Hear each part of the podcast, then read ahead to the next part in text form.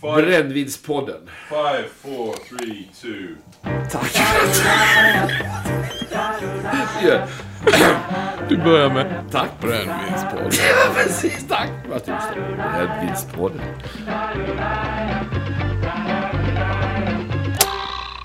Hur är läget Johan? Det är bra. Jag tänkte på skoj här. Vi kallar det här för Brännvinspodden informellt utifrån en fatal eh, avvikelse i första avsnittet. Ja, just det. Det var kräftskivan där som eh, osökt ledde in dig på brännvinets väg. Men jag tänker, om vi skulle fortsätta på det spåret, ja, kanske inte brännvinet då, men det här vi talar om frihet. Många har reagerat så här, ja, men frihet, eh, kan inte friheten bli för stor? Och alltså, evangelium, nåd, eh, kan ju ofta få ett öknamn, billig nåd, laglöshet. Antinomianism kallas det på ett fint eh, uttryck som dök upp någonstans vid medeltiden. Det vill säga kristna som börjar bete sig helt laglöst, gränslöst. Är det ett problem vi har idag? Jag tycker det. Alltså, man ser på kyrkans förkunnelse så har vi, tycker jag, två tydliga diken. Vi har det klassiska frikyrkliga, ganska lagiska diket där nåden kopplas till väldigt mycket livsstilsfrågor och till hur du lever och du måste nästan leva rätt för att få nåden. Och det är ett dike. Men det andra diket blir också den här billiga nåden. En, en Guds kärlek som är gränslös och kravlös. Där Gud älskar dig och det är fullt tillräckligt. Det kräver inget av dig tillbaka. Ingen omvändelse. Inget mottagande av nåden. Utan det blir en klapp på axeln och så fortsätter du med livet som vanligt. Och jag tänker att det är nåd som inte får någon som helst betydelse. Problemet är väl att vi, vi, vi använder begrepp, det blir lite begreppsförvirring här. Eh, vi, vi använder begreppet nåd då. Nåd kan ju egentligen bara betyda en sak och det är en fri gåva. Alltså fritt och förintet utan krav på motprestation. Så problemet, jag, jag är ju lite inne på vad du säger, men problemet är att vi använder nåd. Nåd kan inte bara vara någonting annat än nåd. Men i eh, Luthers teologi, reformatorisk teologi, så talar vi om att Gud har två stycken ord som riktas mot oss. Det ena är Guds lag. Det är vad Gud med rätta kräver och förväntar sig av oss. Lagen ger ingenting, utan lagen kräver obarmhärtigt. Du skall, annars... Och så kommer då straffet. Och då kommer man osökt in på begreppet synd också. För att med lagen kommer synden. Och synden är att bryta lagen. Synden är skilsmässa från Gud. Synden är att missa målet. Och hörde Antje Jackelén, vår ärkebiskop, säga faktiskt en väldigt bra sak. Hon sa att vi lutheraner, vi är inte så rädda för synden. Och det tänkte jag sammanfatta väldigt bra vår syn på nåden. Mm. Och det är ju det att synden som vi tänker lutheraner, det är inte i första hand vad vi gör. Vi är inte så upptagna på syndens gärningar. Utan vi är mer upptagna att synden är ett tillstånd. Människan kommer i befintligt skick. Det låter som en bilannons, men det är ju faktiskt sant. va. Jag kommer ihåg när jag var 19 tror jag var. Och eh, det fanns såna här eh, annonstidningar. Man köpte bilar. Jag var på, på jakt efter en 240 med speciell liksom, utformning och det skulle vara metalliclack. Och då stötte man jämt på det här uttrycket kommer i befintligt skick. Det betyder att, ja, jag ska inte ha för höga förväntningar. Det här är en använd bil som, som har med sig vissa saker. Och jag tänker att det är en bra beskrivning på människan. Alltså vårt största problem, det är inte synden som vi gör, utan det är att vi är syndare. Alla människor skulle hålla med mig om att säga att det är inte gärningarna vi gör som får oss frälsta. Eh, vi är inte frälsta på grund av gärningar. Och likadant så är vi inte syndare på grund av att vi är gärningar. Alltså vi syndar för att vi är syndare. Det är inte när vi syndar som vi blir syndare. Det var vi redan innan. Och precis på samma sak så är det, vi gör inte rättfärdiga gärningar för att bli rättfärdiga. Utan vi är rättfärdiga. Och utifrån det flödar rättfärdiga gärningar. Nu pratar du om synd och rättfärdig på samma gång här. Och Jag tänker på det här att vara samtidigt Rättfärdig. färdig och syndare. Det fantastiska latinska sånt som jag alltid tappar bort. Simul justus et peccator. Just det. Nej, och det, det här är ju då tilltalet som hela tiden vi behöver möta. Är ju att lagens spegel måste hållas upp för oss. Och i lagen så får vi egentligen inte hjälp. I lagen så ser vi in i hur varje människa borde leva. Om vi tittar på lagen så är det ju väldigt få människor som egentligen kan säga någonting om den. Speciellt lagen, det man kallar för lagens andra tavla som handlar om mellanmänskliga relationer.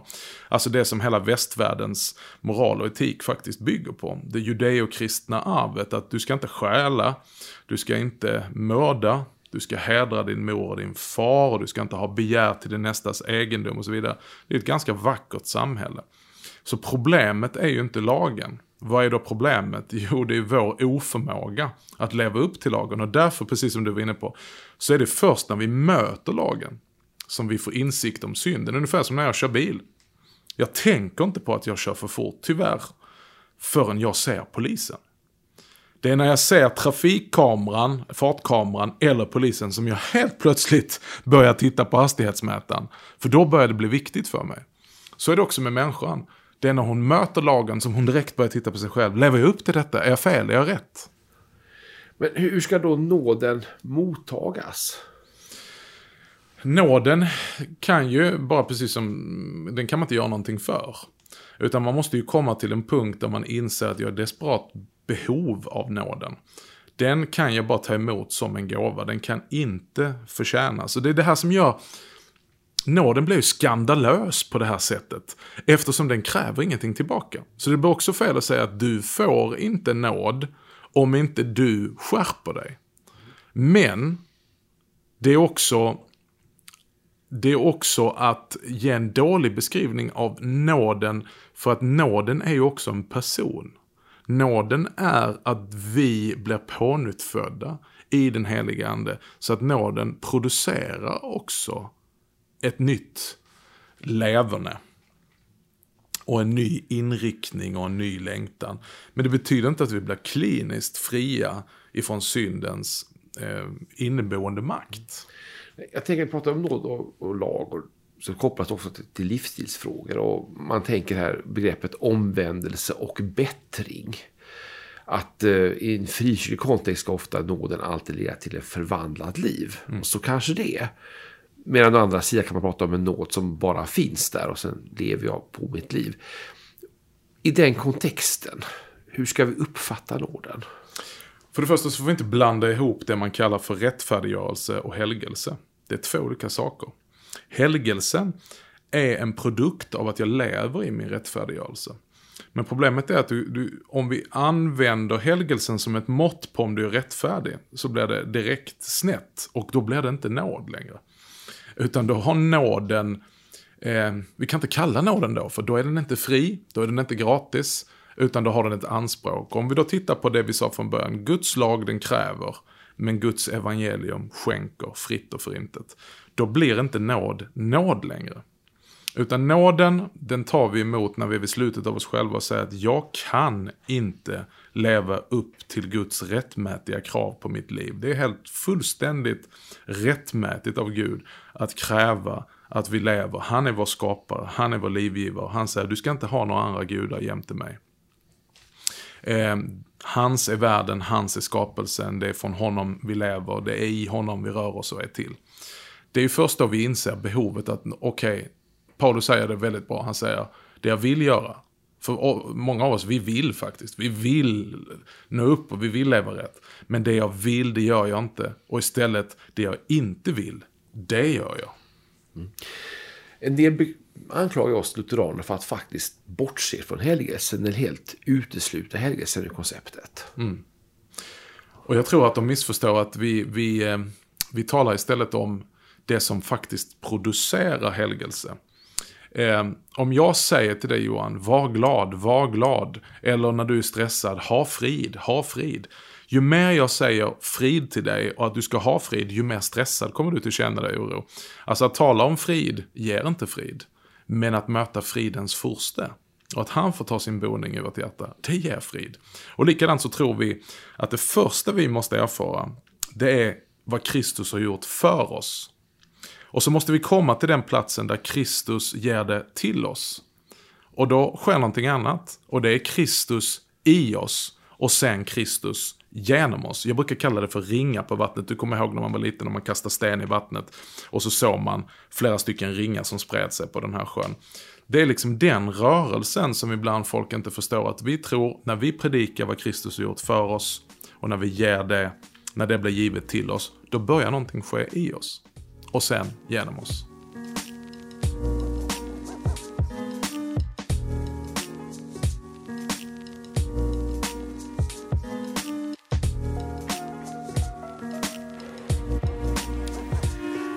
Jag tänker på ett citat av Luther där han säger om avgudar att det som du har ditt hopp och din förtröstan och din förväntan i, det är din avgud. Just det.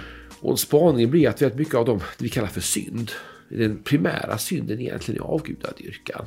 Även om vi, folk kan ha problem med saker som, vi pratar kanske ibland om porrberoende, alkohol, spelberoende, mm. attitydfrågor, eh, stolthet. Det kan också vara så enkla saker som faktiskt eh, eh, omättnad på olika områden av livet. Så bottnar i att det här ger mig någonting som skapar en glädje, en trygghet, en förväntan i mitt liv som faktiskt då tar Guds plats. Att den primära synden är egentligen avgudadyrkan. Mm. Luther uttryckte sig även så här att han talar om synden under synden. Det finns synliga synder som vi kan vara väldigt upptagna av, som du nämnde här nu. Och då tog han det en våning under och tittade på roten till den synden, vilket han ofta talar om som avgudadyrkan. Att vem är, alltså det första budet egentligen det vi bryter mot. Och det leder till att vi bryter mot de andra buden. Det vill säga att om någonting annat än himmelens och jordens skapar, den treenige guden blir min gud. Eh, då leder det till att jag kommer att bryta de andra buden också. För då kommer jag vara avundsjuk. Då kommer jag till behöva göra livet surt för andra. Då kommer jag till behöva slå mig fram för att få tag i detta som nu har blivit min gud. Alltså, vad är min primära källa där jag hämtar tröst, där jag tar min tillflykt, där jag har min glädje, min lust i livet. Om det inte är Gud, så är det någonting annat. Och det är det som är syndens rot. Mm. Om man då vänder på det tankesättet och tänker att helgelsen tar sin början i att jag möter Gud och får mina behov ytterst tillfredsställda i mötet med honom. Ja, när Jesus sammanfattar hela lagen så slår han ihop alla de här tio buden och så säger han att vad sammanfattningen av lagen och Guds goda vilja är med vårt liv. Det är att vi ska älska Gud av hela vårt hjärta, av hela vår själ, av all vår kraft och hela vårt förstånd och vår nästa som oss själva. Och redan där så inser vi ju att så fort det är någonting annat som vi älskar av hela vårt hjärta, där vi hämtar vår tillflykt, där vi finner vår tillfredsställelse, där vi finner vår identitet, så är det någonting utanför Gud. Det här börjar ju faktiskt med syndafallet. Att Adam och Eva som är skapade i gemenskap med Gud, de är omgivna, de lever i en lustgård. Det finns tusen andra träd där. Men Gud har sagt, av det trädet får ni inte äta. Då drabbas ju Eva av vad kidsen idag kallar för FOMO. Fear of missing out. Vad är det för något speciellt med det här trädet? Den här frukten? Varför får jag inte röra vid det? Och så tänker vi att vi litar inte på Gud. Vi, vi, vi, vi vågar inte förtrösta på att Gud tar hand om oss och han ger oss allt vi behöver. Utan vi tänker att här är någonting som Gud har undanhållit mig. Och mitt liv kan inte bli komplett eller lyckligt eller helt eller harmoniskt om jag inte också får ta det. Om vi då byter ut det här trädet och den här frukten mot jättemycket som vi har i vårt liv så tänker vi ju så. Vi litar inte på att Gud är vår källa för allting. Vi litar inte på att Guds ord är sanna, att han vet bäst, utan vi tänker vi vet nog lite bättre. Så vi sneglar på allt ifrån rikedom till Ja, det kan vara precis vad som helst. Och så tänker vi, nej men mitt liv kommer inte vara komplett. Mitt liv kommer inte till att vara harmoniskt. Mitt liv kommer inte till att vara lyckligt om inte jag får detta som Gud nu undanhåller för mig. Och då vänder jag ryggen mot Gud och så skapar jag mig en avgud och helt plötsligt så kommer jag inte märka att hela mitt liv bara kretsar kring det som är min gud. Om det är spel, om det är sex, om det är, alltså allt blir missbruk. Vi har ju en väldigt snäv eh, beteckning av vad som är missbruk. Det brukar liksom röra sig kring droger, alkohol, spel eller sex. Men grejen är att allt som vi inte brukar till Guds ära blir ett missbruk. Allt som hamnar i centrum. Alltså det finns bara en sak som ska vara i centrum kring vilket hela skapelsen kretsar. Och det är Gud, den treenige guden, han som är skapare av himmel och jord. Bara han klarar av att vara den axeln som bär upp allting. Vi ser ju det på unga kändisar till exempel. När de tar en, ja, en gudaplats va, och blir avgudade. Den pressen orkar ju ingen med. Det är ju intressant att en idrottsstjärna kan kämpa hela sitt liv och vara självdisciplinerad och nå den absoluta toppen. Och när den stjärnan har då nått alla sina drömmars mål och får all den här äran och tillbedjan och avgudadyrkan. Helt plötsligt så faller de i skandaler. Varför? Ingen människa är skapad att få tillbedjan. Vi är skapade att ge tillbedjan. Och därför blir också livet skevt när inte Gud får vara centrum, utan en avgud. Någonting vi har begärt till, någonting vi tror att jag måste ha det för att vara lycklig. Eller jag måste ha det. Och ytterst sett skulle man väl kunna säga så här, ny form av Maslows behovspyramid eller trappa. Att det grundläggande behovet du och jag har som människor, det är att vi behöver Gud. Vi behöver hans gemenskap och han behöver vara i centrum. En spaning då som jag har är att människor idag lever väldigt pressat. Man, har, man är pressad från alla håll. Det, det, livet idag ställer större krav än någonsin kanske. Och när vi inte klarar de kraven, om då inte Gud är i centrum utan det blir en avgud, så kommer också det stora fallet. Mm. Där brister vi. Och kanske man ser då kristna människor som förväntas ha en viss standard i sina liv så är inte det liksom att de är dåliga människor och fulla av begär som gör att de bryter. Utan det är att de faktiskt inte klarar. Mm. Och så kommer det här in som tar plats istället. Mm. Som plötsligt då leder till någon form av katastrof i livet. Mm.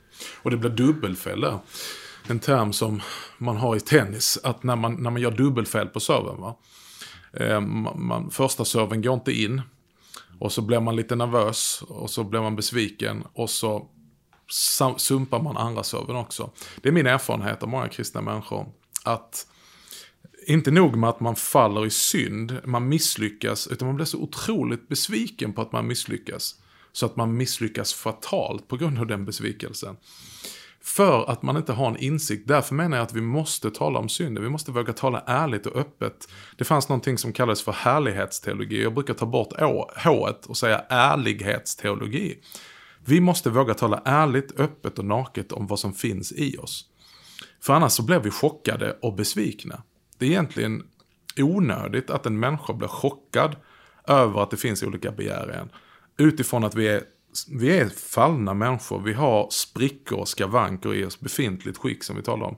Vi behöver tala om detta, så vi inte blir chockade när det här dyker upp, för vi behöver tröst. Vi behöver konstant tröst, men problemet är att vi tröstäter, vi tröstdricker, vi har tröstsex. Eller vi går in och tröstar oss på internet och vi tänker så här, vi är väldigt mycket allmängiltigt på sökande efter tröst. Någonting som kan ge mig lite uppmuntran, säga att jag är bra eller att vi tycker att jag förtjänar det nu allt annat suger mer än en flygplanstoalett så att jag, jag vill ha någonting som tröstar mig och ger mig lite underhållning och lyfter mitt sinne lite grann. Men problemet är att det mesta av den trösten, det är ungefär som jag brukar säga, det är som att kissa på sig när man var liten. Man var jättekissenödig och så tänker han, ah, jag bara släpper efter. Och det blev varmt och skönt för fem sekunder. Efter det blir det kladdigt, jäkligt och klibbigt. Och så är det ofta med synden. Att den kan låta så otroligt frestande i det här läget när jag känner, jag orkar inte längre, jag behöver tröst jag behöver någon som liksom underlättar det här trycket som jag har mot mig och så ger jag efter. Men det får direkt en rekyl och baksmällan är där. Och hur hanterar vi det? För då tänker jag att här i kyrkan, ja, vi har nåden, vi har teologin, vi vet att Gud förlåter, vi har en evangelium, men i praktiken blir det inte alltid så. Hur kan vi som helkyrka möta människan här? För det första så handlar det om vilket budskap vi har. Är Gud en fader som jag springer till eller en fader som jag springer ifrån.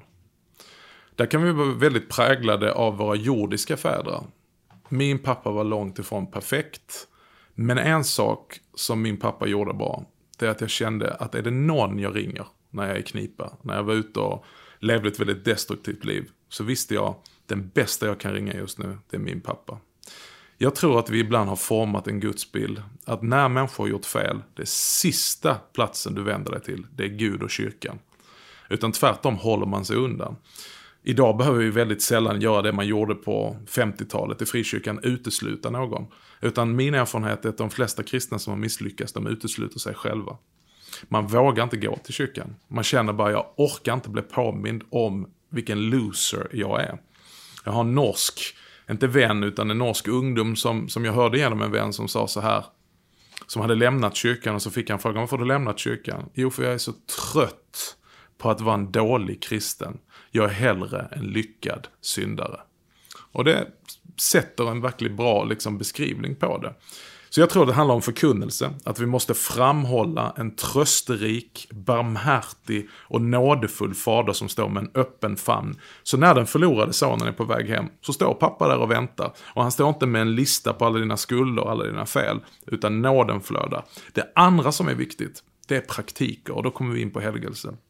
Vi måste lära människor att ha vissa andliga discipliner och praktiker, det kan låta tråkigt och det kan låta tungt, men det är som en livboj. Det är en livboj som vi har. Jag gör en massa andra saker i mitt liv. Jag har massa rutiner som jag inte gör för att jag måste och jag gör inte dem för att de är roliga utan jag gör dem för att de är helt nödvändiga. Därför tänker jag att om vi lär människor att ha ett rikt gudstjänstliv där jag hela tiden liksom får komma till gudstjänst. Om jag om vi lär människor, fostrar människor att ha ett böneliv där jag hämtar min tröst i, hos Gud, i bön, i bibelläsning, att gå till bikt, att gå till själavård och tala om sina problem, att komma till gudstjänsten och få höra Guds ord och få gå till hans bord och ta emot hans kropp och liv. Och vi faktiskt litar på. För det är ju det här som är problemet för att knyta ihop historien med Eva. Hon börjar att säga så här med lite tvekan. Ja, men Gud har ju sagt att vi inte får ta av det här trädet. Och så kommer fiendens röst. Skulle Gud verkligen ha sagt? Är det inte det som hörs mitt i vår frestelse? Att vi börjar tvivla på Guds ord och börjar lyssna på frestaren som säger Ja men Gud kan väl inte mena att du inte får lov att göra något roligt? Ja men Gud kan väl inte unna dig? Det är klart att Gud unnar detta. Nej, nej, nej. Så bokstavligt ska du inte ta Guds ord. Och det handlar inte om bokstavstro, utan det handlar om det grundläggande och det som sitter i centrum. Vad har jag min tro till? Vad har jag min förtröstan? Var har jag min tillflykt? Tror jag att det Gud säger är sant? Det är tillförlitligt, det är trovärdigt, han är värd min tro. Eller ska jag lyssna till alla andra röster som säger, ah, kom igen, ta för dig, gör det här, annars blir du aldrig lycklig. Vår egen erfarenhet av synden säger ju oss, nej, det är bara skitsnack, jag blir aldrig riktigt lycklig.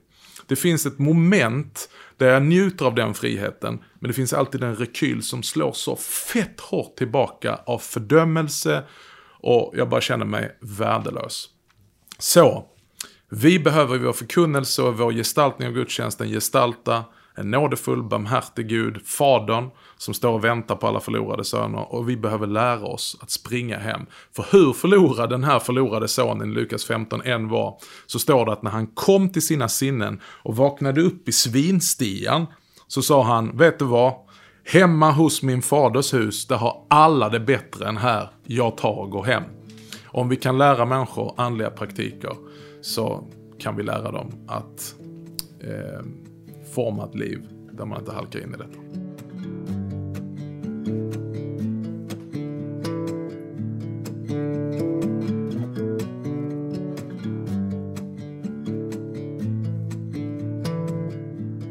Nu pratar vi om andliga praktiker och då tänker jag att vi nämner det bordet såklart. Bönen, brödragemenskapen och inte minst Bibeln. Men jag tänker på ett femte B och det är bikten. Ja.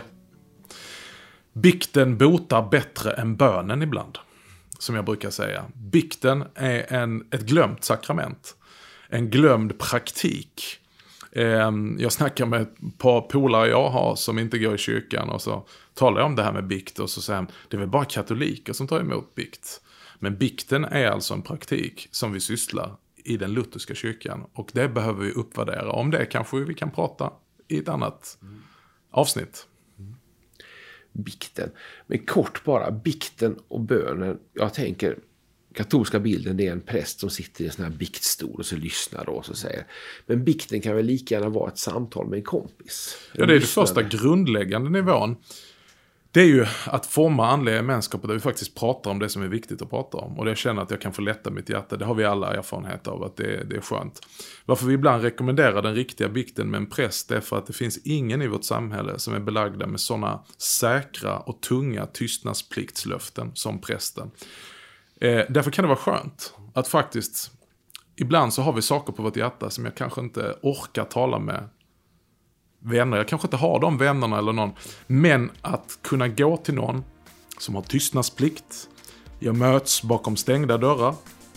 Och också en som faktiskt är både utbildad och erfaren att lyssna på syndabekännelser. Inte bli chockad, inte ställa massa följdfrågor, inte vill ha förklaringar och inte bara ge mig massa råd. Utan vad du får i bikten, det är syndernas förlåtelse. Tack för att du har lyssnat på veckans avsnitt av Reformera.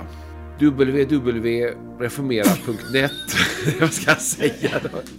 Du, alltså, ingen normal människa behöver ta med det där W. Ja, men det står ju där! Nej, men du hittar oss på reformera.net.